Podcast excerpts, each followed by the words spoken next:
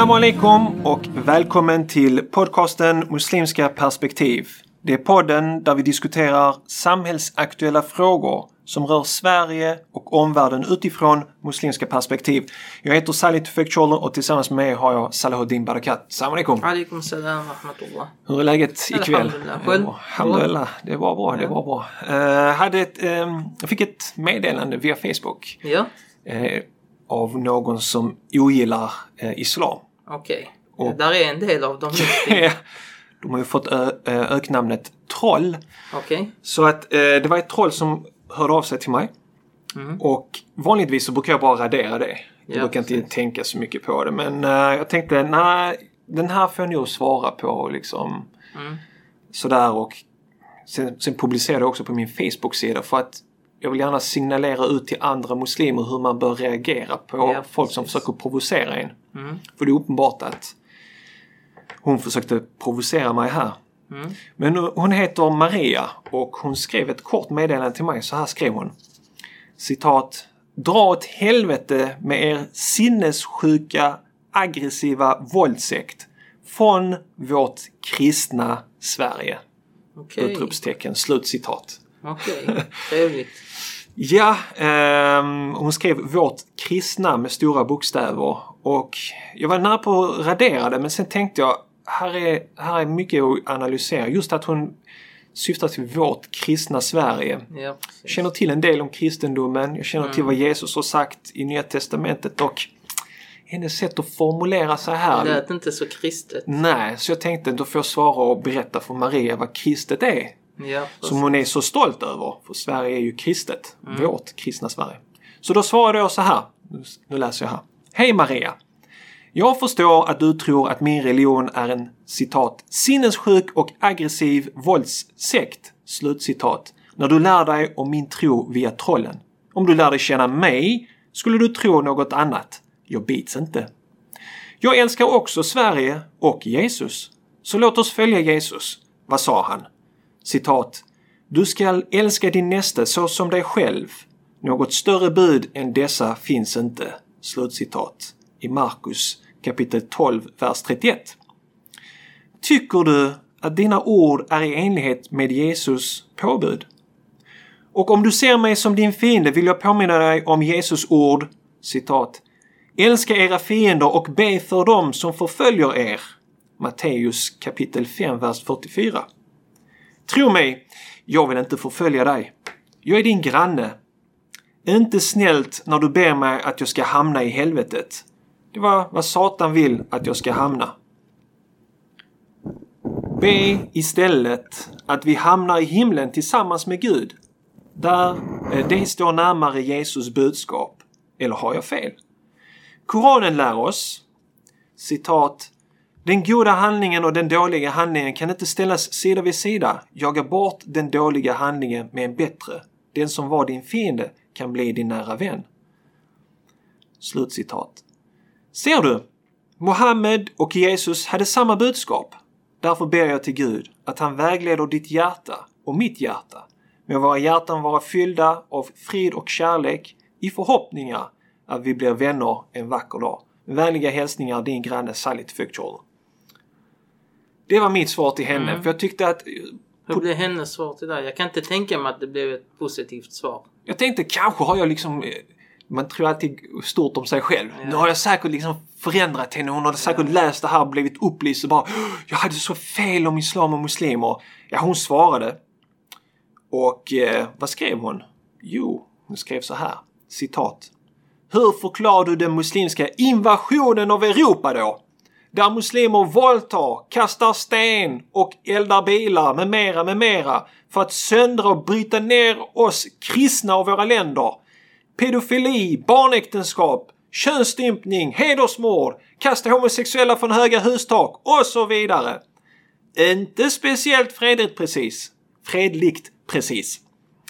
Vet att muslimer får ljuga för sin tro och profet. Så tro inte att vi går på det där snacket. Islam har inte i ett civiliserat land att göra. Vi vill inte ha halshuggningar, djurplågeri eller andra vidrigheter. Utöva er så kallade religion i er del av världen. Tack för ordet. Slutcitat. Sen svarade jag tillbaks. Naturligtvis. Och då skrev jag så här. Mitt svar till dig är Följ Jesus om du verkligen älskar din tro. En sista sak. Du vill att vi ska utöva vår tro i vår del av världen. Var tror du Jesus kommer ifrån? Just det, Palestina. Hade du sagt samma sak till honom? Slutcitat. Hon svarade aldrig på den frågan. Men det är väldigt intressant när, när, man, Ja. när man är så stolt. Jag har också reflekterat över det här. Vet, du, vårt kristna land och, det, och vi är så kristna och så. Sen i sitt uppförande så följer man inte Jesus eh, Jag moral och etik. dansk, jag hörde någon dansk, jag vet inte om det var en politiker eller en präst eller någonting som sa det här, älska din nästa. Mm. Att din nästa är inte, alltså din nästa är bara din kristna nästa i princip. Ja, ja. Så en beg- begränsning av tolkning, restriktion av Mm. något slag. Så att det finns väl, man kan väl läsa Bibeln på olika sätt och man kan väl läsa även selektivt. Det finns ju delar som man skulle kunna tolka som liksom eh, kasta inte pärlor till svin eller de här eh, delarna, delarna av Bibeln om man vill det. Eh, så att eh, det, det, folk religion är ju lite grann i alla fall hos väldigt många människor lite vad de gör det själva till. Mm, mm. Och, och för många har religionen idag blivit någon slags identitet och nat- jag brukar tala, när jag, pra- jag pratar mycket om extremism och så här. Eh, Jag pr- brukar prata om nationaliserande av religion. Mm. Alltså religionen har blivit, som när du ser till exempel Isis. Det, vad är det viktiga i deras rekryteringsvideon? Jo, det är flaggorna, det är Staten. musiken, det är staten, det är, Det är bilarna. Det är, ja, precis. Hur mycket är det om att fasta, Mm. om att studera? Hur många madaris, madrasan där man ser folk sitta och studera och sånt. I de videorna. visar de upp i de videorna. Är du med? Så det, det är någon slags eh, nationaliserande, Mm. sekulariserat nationaliserande av religion. Man bara Mm. iklätt eh, falska värderingar, eh, materialistiska värderingar i en religiös krud. Och det gör även kristna. Ja, Eh, Maria så gör det här. Denna, ja, precis. Så att hon åkallar ju kristendomen. Eh, verkar inte vara någonting som hon egentligen liksom drivs av. Och det, det ja. Det är mänskligt verkar det som. Mm. Finns lite överallt. Vi, har, vi har också våra troll och Absolut. de har sina. Ja. Men när jag läste när hon nämnde att det är våldtäkt och skjutningar och kasta och jag vet inte vad. Pedofili, kom igen. Ja. Eh, Alla de som åker till Thailand och allt vad det är. De, du vet, eh, som, som är icke-muslimer. ja, eller hur? Ja, svenska icke-muslimer Ja. som åker över Sexturism till... är Sexturismen väldigt- Mm. är enorm. Eh, alla pedofiler de hittar nu jämt och ständigt. De flesta är inte invandrare. Det tänkte jag, det har jag funderat på också för att många sådana här hatsajter de tycker om att hänga ut så fort det är någon invandrare Precis, som har skjutit precis. eller något sånt. Men när det blir sådana här pedofilhärvor Så då är det hängs inte så ingen- intressant nej, med liksom nej, granska deras etnicitet eller vilken Deras religion de kultur, tillhör. så. nej, Nej, nej. det där hoppar vi över. Ja, men ja, så- precis. ja, men det... Det är, ja, det det är ohederligt. Ja, ja. Men när, när jag läste hennes ord och nu när vi ska gå igenom Adonis här så tänkte jag det här låter som en student i Adonis. Det låter som hon har läst hans bok. Det har hon säkert. Det hon säkert Ja. om det Men, men, men det som skrämmer mig mest här med Marias ehm, svar till mig efter att jag skrev om det här Mm. med Jesus, följ hans bud och jag hoppas att vi kan bli vänner och be för mig att jag ska komma till himlen. Varför vill du skicka mig till helvetet? Det vill ju Satan göra. Tyvärr finns det också muslimer som vill skicka Mm. Ja, människor till helvetet. Det, Det är egentligen en synd. ja, Det är en synd i sig. Mm. Att önska för någon annan att hamna eller förbli i synd. Mm. Eller i otro och så vidare. Det är i sig en synd att ha den önskan.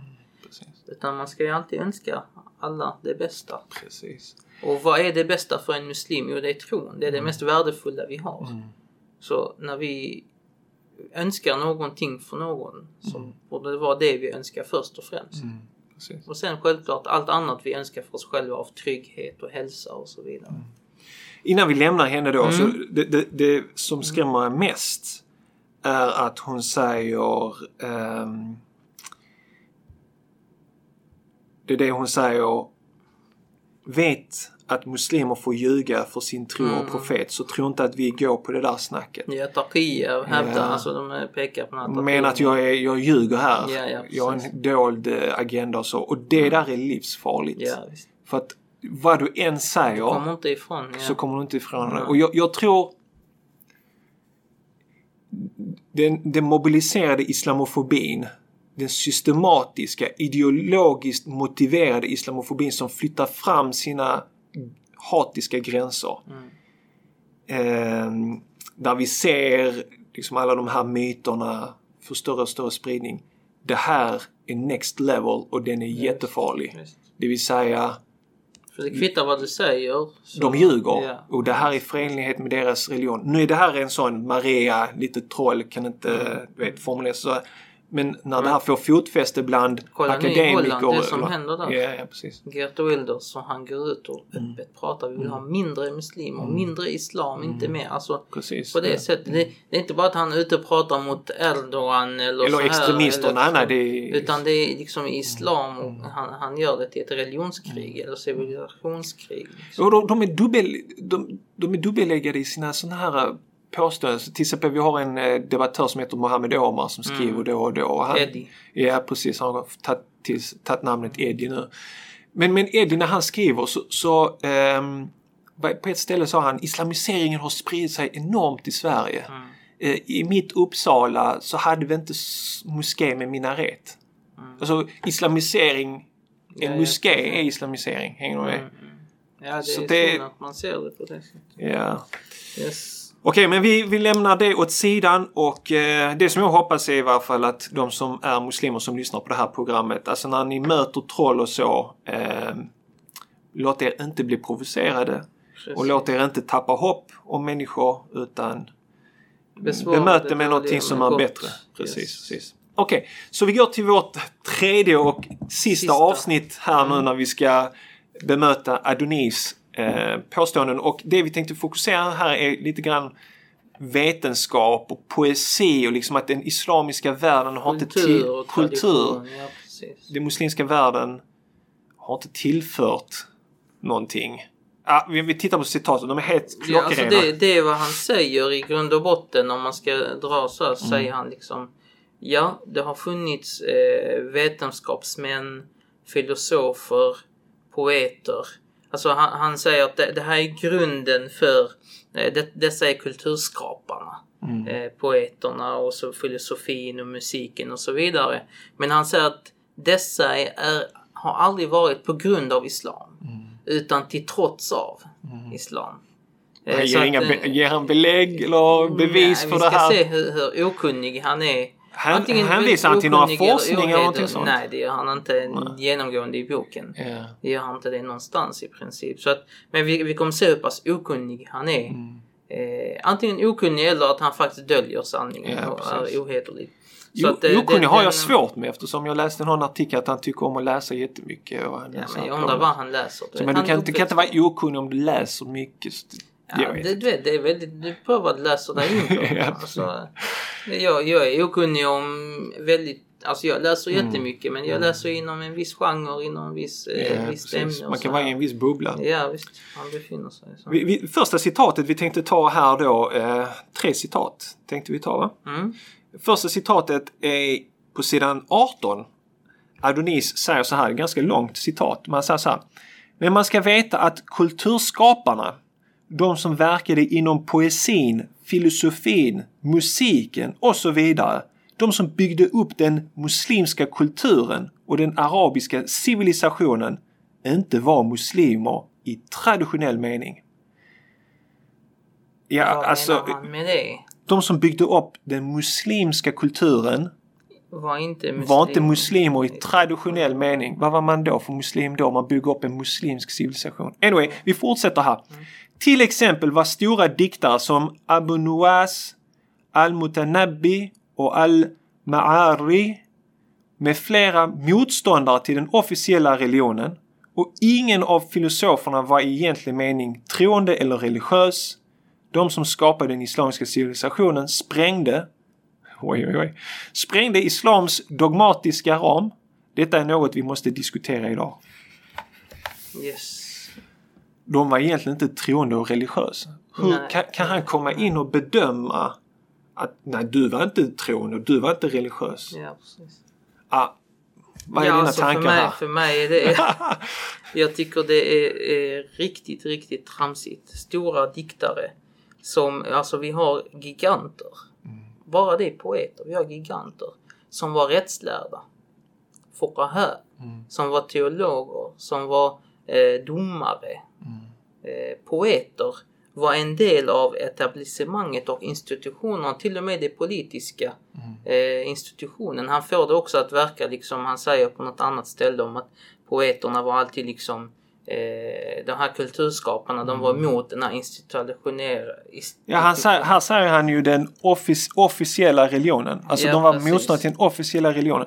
Vadå för Vi har folk officiella som Imam religion? Shafi'i, en oerhörd diktare som hans verk fortfarande än idag Ja. är, liksom, eh, är väldigt populär, folkligt. Vi har eh, Rumi som är känd. Absolut. Som, Som är alltså, översatt till massor med olika var, språk. rätts, ja, han var rättslärd. Han var djupt troende. Djupt troende. Han var rättslärd. Ja. Mm. Han bad sina fem böner. Han studerade sin koran. Han säger ju till och med min Mathnawi, den här Mathnawi som Mm. är den kända verk, hans stora verk. Han sa det är en kommentar på koranen. Så att eh, hur, hur kan man säga då? Han var inte eh, och många av de persiska diktarna, poeterna använder koranens liknelser och det ständigt återkommande religiösa elementet i, i texterna. Mm. Persiska diktare, arabiska diktare. Hur kan man säga att de inte är muslimer? Mm. Var har man fått det ifrån? Alltså förlåt mig men återigen, jag känner mig som att jag upprepar detta men han låter som en Daesh-general. Ja. Som dömer vilka som är troende och vilka som inte är visst, troende. visst. Medan vår religion lär oss att vi kan inte gå in och döma på det sättet.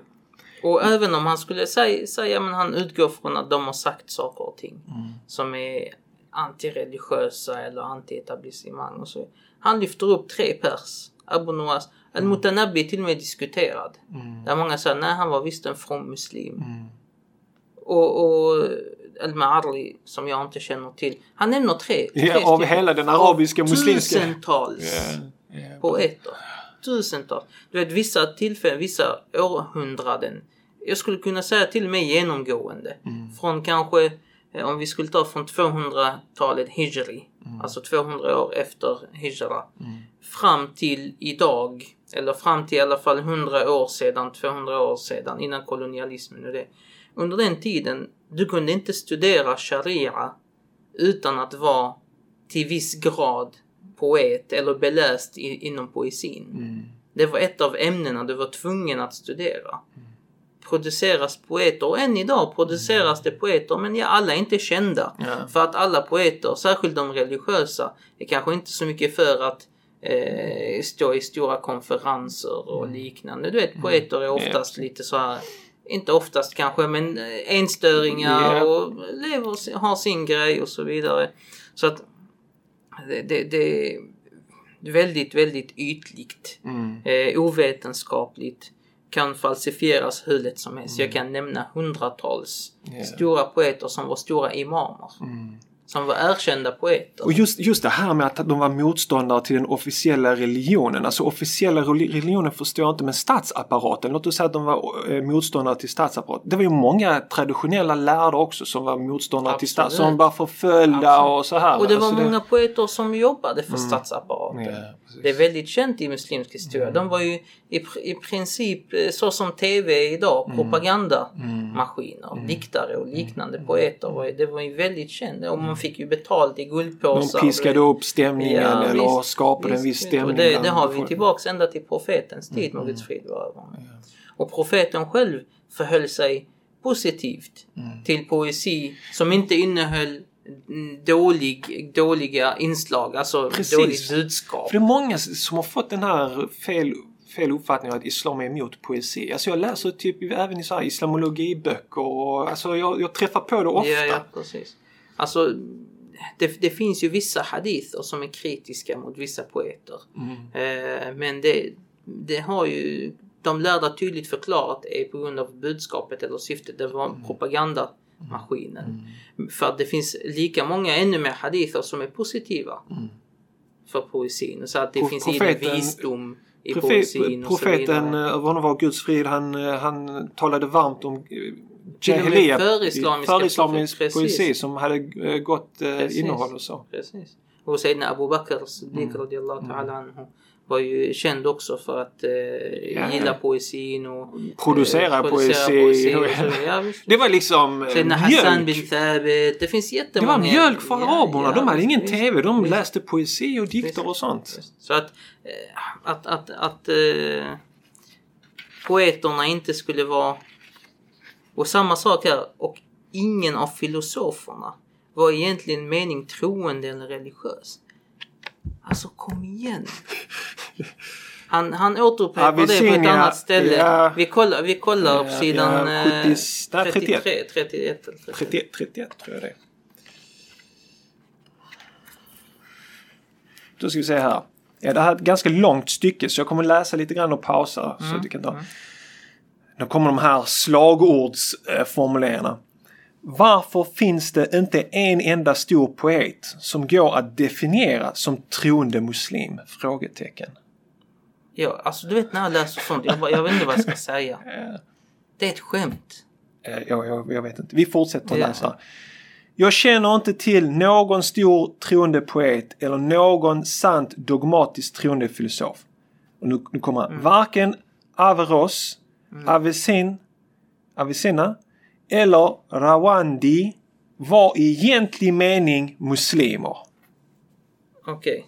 I egentlig mening muslimer. Vad var de då? Det här är ren... Hitt, hittepå muslim eller vadå? Det, vänta här. Det här är precis Mm. vad jag menar att antingen är han dum, okunnig eller bara ohederlig. Ja, precis. Alltså någonting. För att jag menar, han nämner, de han nämner själv, om vi bara tar exemplet, Averroes. Vem, vem är det? Mm. Det är Ibn Rushd. Ja, precis. Ibn Rushd, var inte han i egentligen mening, egentlig mening muslim? Du vet om att Ibn Rushd var en qadi? Ja, domare. Religiös domare. Religiös Ja. domare. Eh, Du vet att han har skrivit eh, ett verk, många verk i fiqh och i usul, för, alltså i muslimsk Mm. rättslära. Samma fiqh som han kritiserar en hel del. Vi kommer till det lite grann, vi får nämna det också idag. Men Ibn, Ibn Rushd skrev Bidayat al-Mujtahid som används än idag Mm. inom rättsläran. Imamer utbildar sig i hans Ja skrift. visst, visst. Än idag. I usul al-fiqh, i rättsmetod. Han skrev böcker i detta, han skrev böcker Mm. i teologi. Ja, och, var- och i Europa är han mycket känd för... För sin filosofi, ja, precis. absolut. Mm. Och hans diskussion med El-Ghazali och så vidare. Ja. Och, har- och också ett studi- studieförbund i Sverige, Muslimskt studieförbund, har tagit hans namn, Ibn Rushd.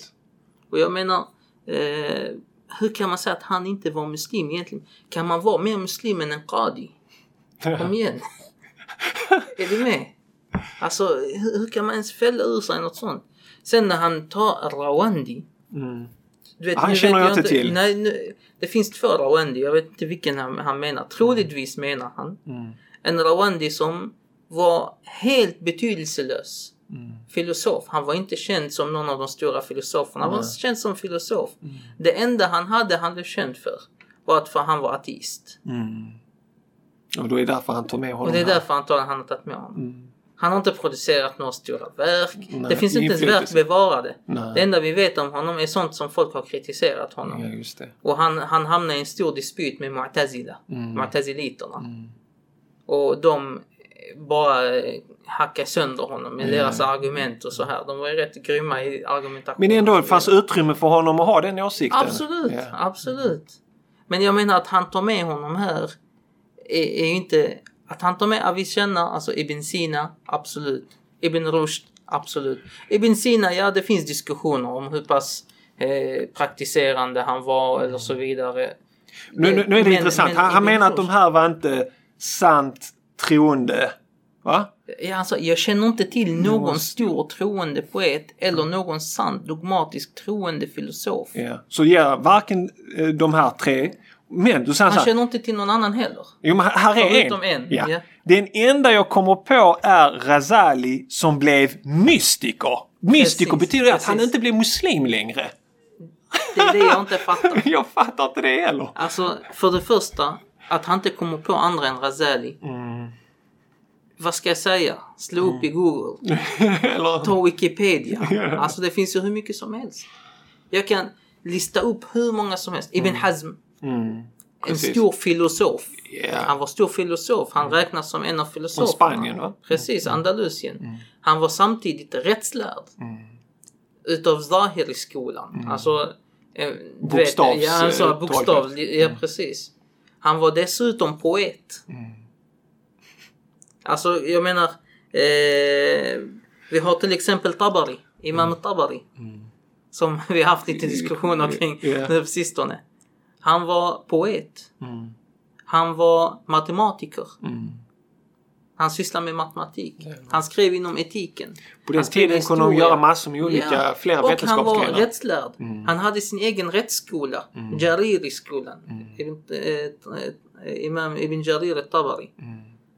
Och han hade till och med följare och så vidare. Han räknas som en av de rättsskolorna som har dött ut därefter. Mm. Så att, eh, vem, vilka mer ska jag nämna? Du har Al-Ghazali som han nämnde, Al-Baqillani. Du har Fakhreddin Al-Razi, väldigt känd Mm. Ja. filosof från Ash'ari-skolan. Oerhört stor inom filosofin. Imam Ghazali har ju påverkat europeisk filosofi och... Absolut. och Imam Ghazalis lärare Al-Juwaini mm, som la grund för hela Imam Ghazalis utveckling av, av eh, kalam, eh, teologin och filosofin men och där så av, vidare. avfärdar han Adonis honom som att han blev mystiker. Trams! Imam al-Ghazali efter, för de, Ja. det, det stämmer ju att han gick in i det som kallas för tasawuf. Ja, precis. det. Mm. Men fick det honom till att lämna islam eller vad menar han? Han, Han, han blev ju ännu mer troende. Han blev ju ännu Ja. mer... eh, Och han skrev Skrev- till och med avfärdande och rättsliga verk och teologiska verk ännu mer efter att han Ja. trädde in i tasawuf, i Ja, sufismen ja, och, ja, och precis. började fördjupa sig i den läran. Mm. Du har Al-Jurjani, du har Taftazani. Jag kan nämna hur många som helst av filosofer som var praktiserande, som var rättslärda samtidigt, som var... Det finns hur mycket som helst i vår historia. Eh, Hundratals, tusentals. Han kommer inte på några fler. Det är det Men- jag och- menar. och- Kan men jag också- ta detta också- på också- allvar? Kan man ta detta på Nej, allvar? jag- Men, men, men vi sitter och fokuserar också bara på araber. Muslimska världen är större än bara den arabiska Självklart, världen. Tänk dig alla muslimska filosofer från Afrika och Visst. från Balkan och Turkiet och Persien och sånt. Ja, Men jag, jag, jag, Osmanska riket ja, ja. fanns hur mycket inom filosofin som helst. Ja. Nej. Okej, men han säger den enda jag kommer på är Imam Ghazali som blev mystiker. Om nu denna civilisation formades av mystiker, filosofer och poeter som inte hade någon koppling till fiqh, den islamiska rättsläran eller den religiösa renlärighet- renlärigheten. Varför beskriver man den då i termer av islamisk eller muslimsk civilisation? För att det är falskt det han säger. Mm, De hade visst koppling till fiqh. till fiqh. Ja. Väldigt mycket. Mm. Och var där alltså. Det, det, var, det var grundkunskap. Det är precis som Ja. vi, som alla barn läser demokrati i skolan idag. Ja. På den tiden läste man fiqh. Det är Alltså hur man ska lagen. förstå Det ja, lag, lagen. hur man ska förstå alltså, lagen. Ja, hur ska man förhålla sig med saker och ting och så vidare. Så att, att man säger att de inte var... Och sen, varför kallas den islamisk eller muslimsk? Jo, för den influerades av muslimska och islamiska värderingar. Mm, Till exempel inom konsten. mm, Ja, där är särskilda genrer.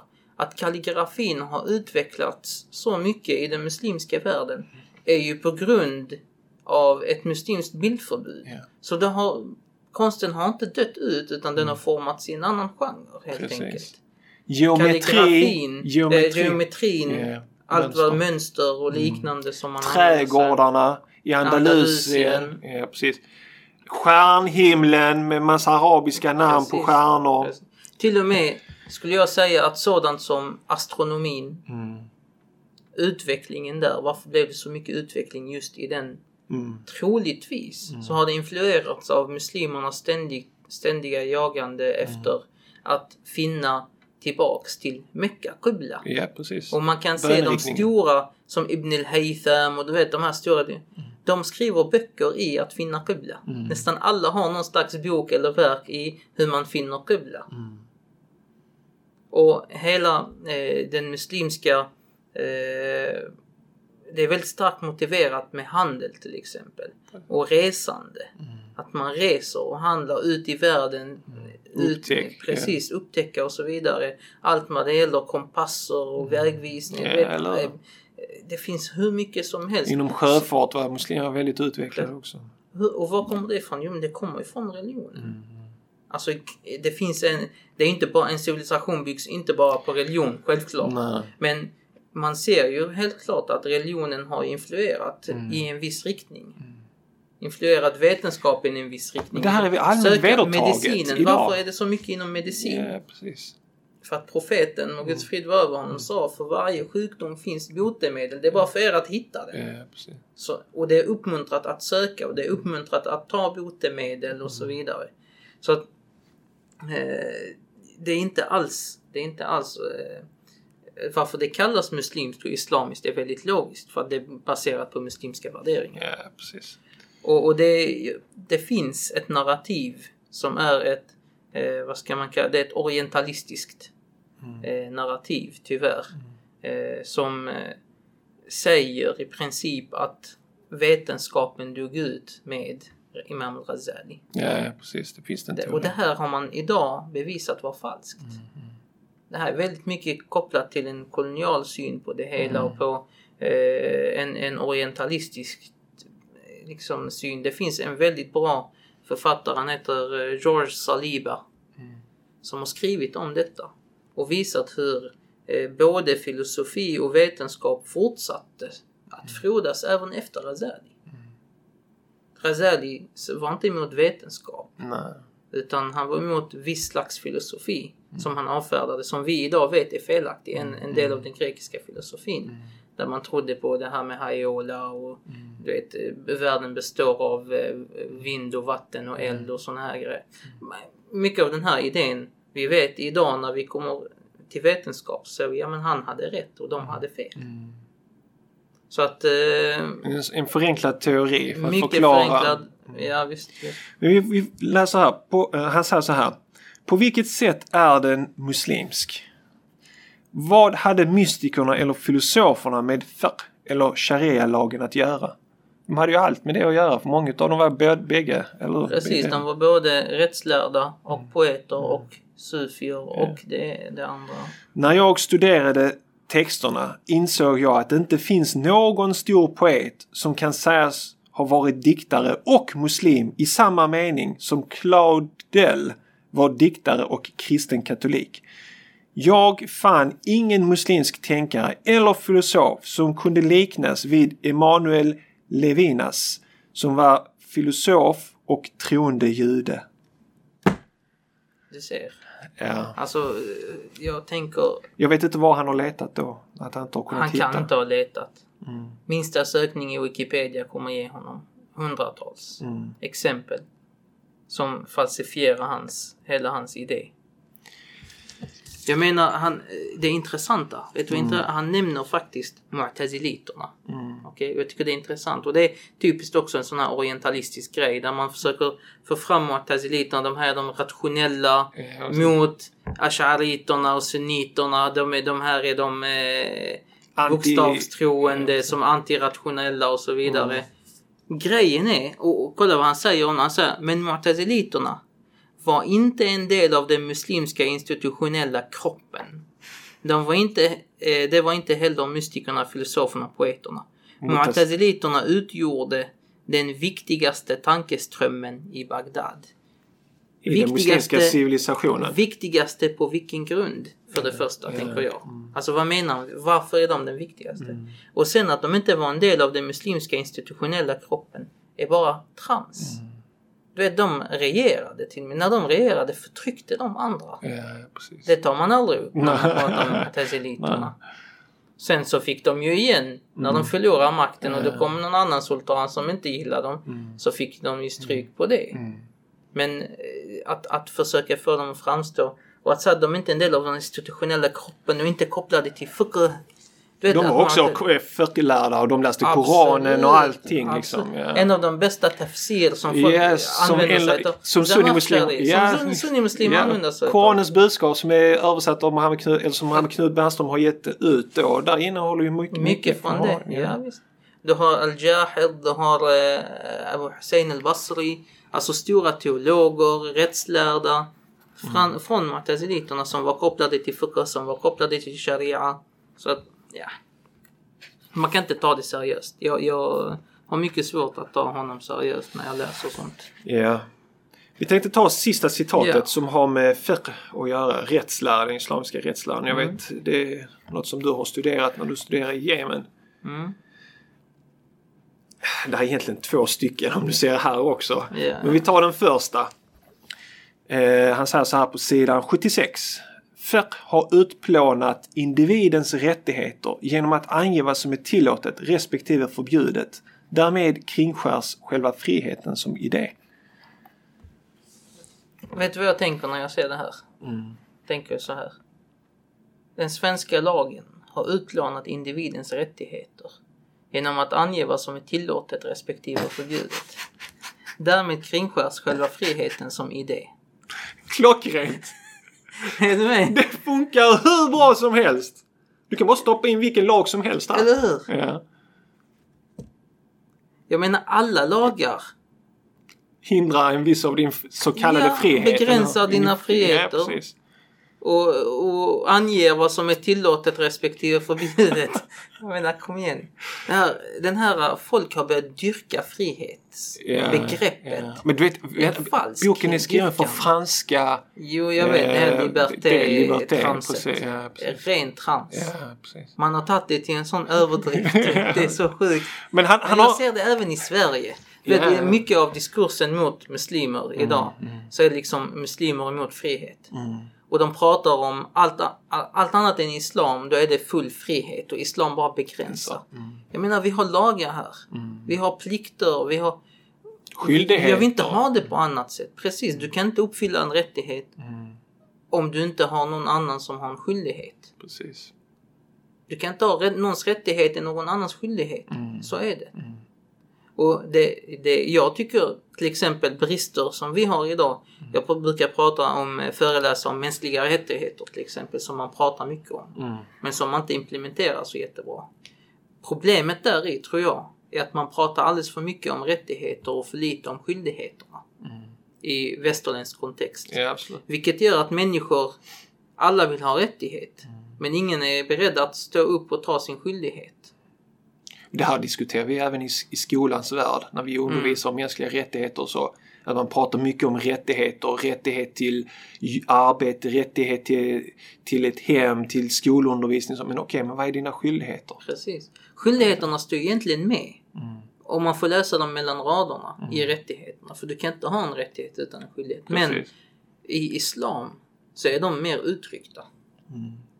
Och det är viktigt. För att påminna människorna om att du har skyldigheter. För annars, det är lätt att glömma när, när Ja. tiden... Jag, jag kan säga vad jag vill, jag kan göra vad jag vill. Vi Det är ett pratar fritt om land. mänskliga rättigheter. Vi har egentligen en skyldighet att ta emot asylsökande. Mm. Det är en mänsklig rättighet att söka asyl. Ja, precis. Men vi pratar aldrig om den skyldigheten. Mm. Så vad händer då? Då när det väl gäller, när det väl krisar sig eller vad man kan, då glömmer man lätt. För att andras rättigheter är inte lika lätt att upprätthålla eller lika lätt att komma ihåg. De glömmer man mycket lättare. Mm. Ja, ja. Så att det, det...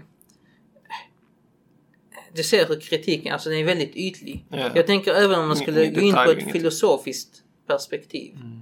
och diskutera vad är frihet? Vad... Han är ju inte alls där. Ja, det, är så, det är så ytligt och lågt så det är inte sant. Vi tar en sista här också. Eh, Den, säger han så här på samma sida, lite lite längre ner, så säger han rättsläran har pådyvlat islam en ytterst inskränkt och torftig föreställningsvärld som, är, som historiskt sett är knuten till maktutövandet. Det... Vad ska man säga? Är du med? Så ytligt. Ja. Jag, du vet, jag blir bara eh, Det frustrerad. var många lärare som var så här, eh, fiqh, som jobbade med fiqh, Imam Malik och så vidare, som var förtryckta av eh, makten. Absolut. Det fanns Hade de ingenting som om var att- Mm. förtryckta, de som eh, jobbade med makten. Det var... Vad menar med Om att det är kollar- torftig för- föreställningsvärld? Ja, Allahu. Du vet, det som är intressant från fiqh Mm. i förhållande till modern västerländsk lag till exempel, eller lagsystem, är att fiqh faktiskt medför större friheter. Det är mer dynamiskt system. Det är mer pluralistiskt system. Det är mer eh, decentraliserat system. Det är bara att han inte har koll troligtvis. Han har inte den kunskapen. Vi har haft parallella lagsystem i samma land, domstolar, olika religioner har haft olika domstolar gällande, särskilt gällande så här eh, personal, alltså giftermål, skilsmässor, men även annat. Vi har haft olika lagskolor agera på samma, i samma stad. Olika lagskolor och domare dömer enligt olika lagskolor. Det, har, det är väldigt decentraliserat. Precis. Så att jag menar om, om du ska ens jämföra västerländsk lag med det vi kallar för traditionell muslimsk rättslära. Så är den traditionella muslimska läran mycket mer mångfaldig, pluralistisk, öppen, dynamisk än vad den västerländska lagen är som är liksom en man är nästan så här bokstavstroende, paragrafrytteri, du vet så här. Och man har använt, även i väst har man ju använt domstolarna för maktutövande. Alltså man tittar på Självklart. kungar och sådana här vid- vidare. Självklart, självklart. Men det som är intressant också är att fiqh, likt vad har blivit med, med, eh, med, med västerländsk lag också, det är ju att idén om alla är lika inför lagen. Mm. Det är en väldigt viktig del. Ja. Och väldigt viktig värdering eh, bland andra värderingar. Jag menar vi har haft i islam det här han pratar om eh, torftig föreställningsvärld och så. Kvinnans eh, rättighet att ärva och sådana saker. Absolut. Långt innan det västerländska. Inte bara det. Sånt som eh, konsumenträtt, Mm. öppet köp, bytesrätt. Har varit en del av den muslimska Han går inte in i sådana detaljer. Nej, Han jag bara, vet, bara jag yt, alltså så Jag här. vet, jag Mm. vet. Så att eh, det, ja.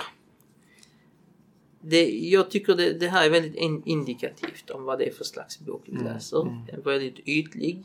Ett väldigt ytligt verk. Eh, närmare ett propagandaverk.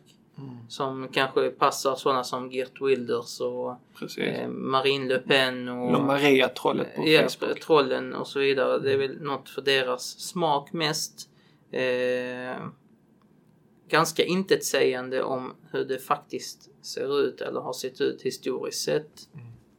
Det skulle väl jag, ja. Min största invändning egentligen är att eh, Adonis får gärna skriva vad han vill och han får gärna skriva en sån här totalt värdelös bok. Det som jag blir förvånad och eh, arg det är att den lyfts upp och han får komma in i de fina rummen i Mm. Ja, Sverige till precis. bokmässan och han får vara dragplåstret där. Det, det där, det kan inte jag liksom se förbi utan där tycker jag att svenska intellektuella Mm. Personer väljer att höja upp honom efter att ha läst en sån här totalt Tyvärr. faktalös... Jag tror det är olika faktorer. Jag tror dels att han är arab. Mm. Dels att han är socialist, vänster, kommunist så här. Den, den, han tillhör Ja. den eh, fåran. Eh, dels eh, för att han är Poet. ja, poet. Eh, och dels för att han säger det som ligger i trenden just nu. Mm. Det här antimuslimska. Jag tror de eh, faktorerna tillsammans. Hade det varit en annan för, författare, hade han hetat Jimmy Åkesson Mm. så hade han inte släppts in. Nej. Garanterat. Eh, och, och jag tycker det, att släppa in denna, du vet, man diskuterar ju senast i bokmässan det här med fria tider och så Ja, vidare. precis. Det här är minst lika Det farligt här som är ännu farligare. Det här är ännu farligare än Ja. fria tider, Så att eh, man får vara konsekvent. Mm. Jag tror den här inkonsekvensen är det inkonsekventa beteendet eh, skadar oss. Gynnar trollen. Mm. Yes. Med de orden så tycker jag att vi avrundar och jag är väl ganska glad att vi har gjort tre avsnitt med det här, på det här temat, på den här Mm. boken. Så vi har grundligt gått igenom den. Vi har inte fått något svar från förlaget än när jag kollade sist. Mm. Vi, jag mejlade ju dem och påpekade att vi gör en granskning här. Men de har inte hört av sig. Så att eh, så ligger det till. Mm. Men det är Vi skönt. har haft en eh, inflik. Eh, jag tror det var någon som skrev någonting om han tyckte att vi kritiserar eh, Sekularism. sekularismen väldigt hårt och så vidare. Och självklart, alltså, det, vi har ju, tycker jag, varit väldigt tydliga med att det är hur sekularismen har sett ut i arabvärlden specifikt. För det är det han talar om och det är det kontexten vi talar om. I arabvärlden så har den ju varit väldigt destruktiv. Eh, Den har fört med sig viss, vissa bra grejer. Eh, men eh, i, i mångt och mycket så har den varit väldigt destruktiv. Och eh, ja, Men jag kommer ihåg också det avsnittet för att vad du ditt argument var ju också så här att mycket av det, de anklagelser som han kommer med skulle vi lätt kunna lägga på sekularismen eller på nationalismen. Vi skulle kunna vara lika oärliga som han är. Precis. Det var de där exemplen också så att vissa tar det. Men jaha, så han, när vi har mer balanserad syn än Precis. vad Och sen är det självklart så att vi inte... Jag, jag anser inte att islam i sig är den enda faktorn i en framgångsrik Mm. eh, civilisation exempel. Islam kommer inte att agera med annat och andra faktorer kommer att påverka och så vidare. Så att eh, det är inte självklart en ensidig eller Mm. eh, sak. Ja. Kanon! Eh, skönt att ha den här boken bakom oss och Ja. nu kan vi blicka framåt. Precis. Jag hoppas det här att eh, det har varit till nytta för dem. Jag vet Mm. att vi har haft en hel del som har väntat på att vi ska eh, tala om den här boken. Så jag Yes. hoppas att det varit till nytta. yes. Jag Det tror... finns jättemycket mer egentligen att säga. Alltså, Ja, skulle, vi skulle kunna hålla på ett helt år ja, med, med olika Men jag tycker delar tre avsnitt får räcka. Ja, det tycker jag också. Och vi, vi kommer fortsätta granska böcker men nästa bok vi ska läsa eller granska kommer vara mer av en positiv eh, Ja, inslag. Yes. Okej, kanon. Eh, vi vill gärna veta vad du tycker om dagens avsnitt. Gå gärna in på vår sida muslimskaperspektiv.se och kommentera dagens avsnitt. Och om du tycker om dagens avsnitt så skulle vi jättegärna vilja att istället för att du delar dagens avsnitt på din Facebook-sida gå in och gilla vår sida på Facebook. Muslimska perspektiv. Gör du det så blir du alltid uppdaterad så fort vi släpper ut ett nytt avsnitt. Och om du har frågor, tips eller vill komma i kontakt med oss gör du detta lättast genom att mejla oss på admin muslimskaperspektiv.se till sist vill vi tacka våra sponsorer Islamakademin och Tahara.se. Tack för att du har lyssnat och på återseende.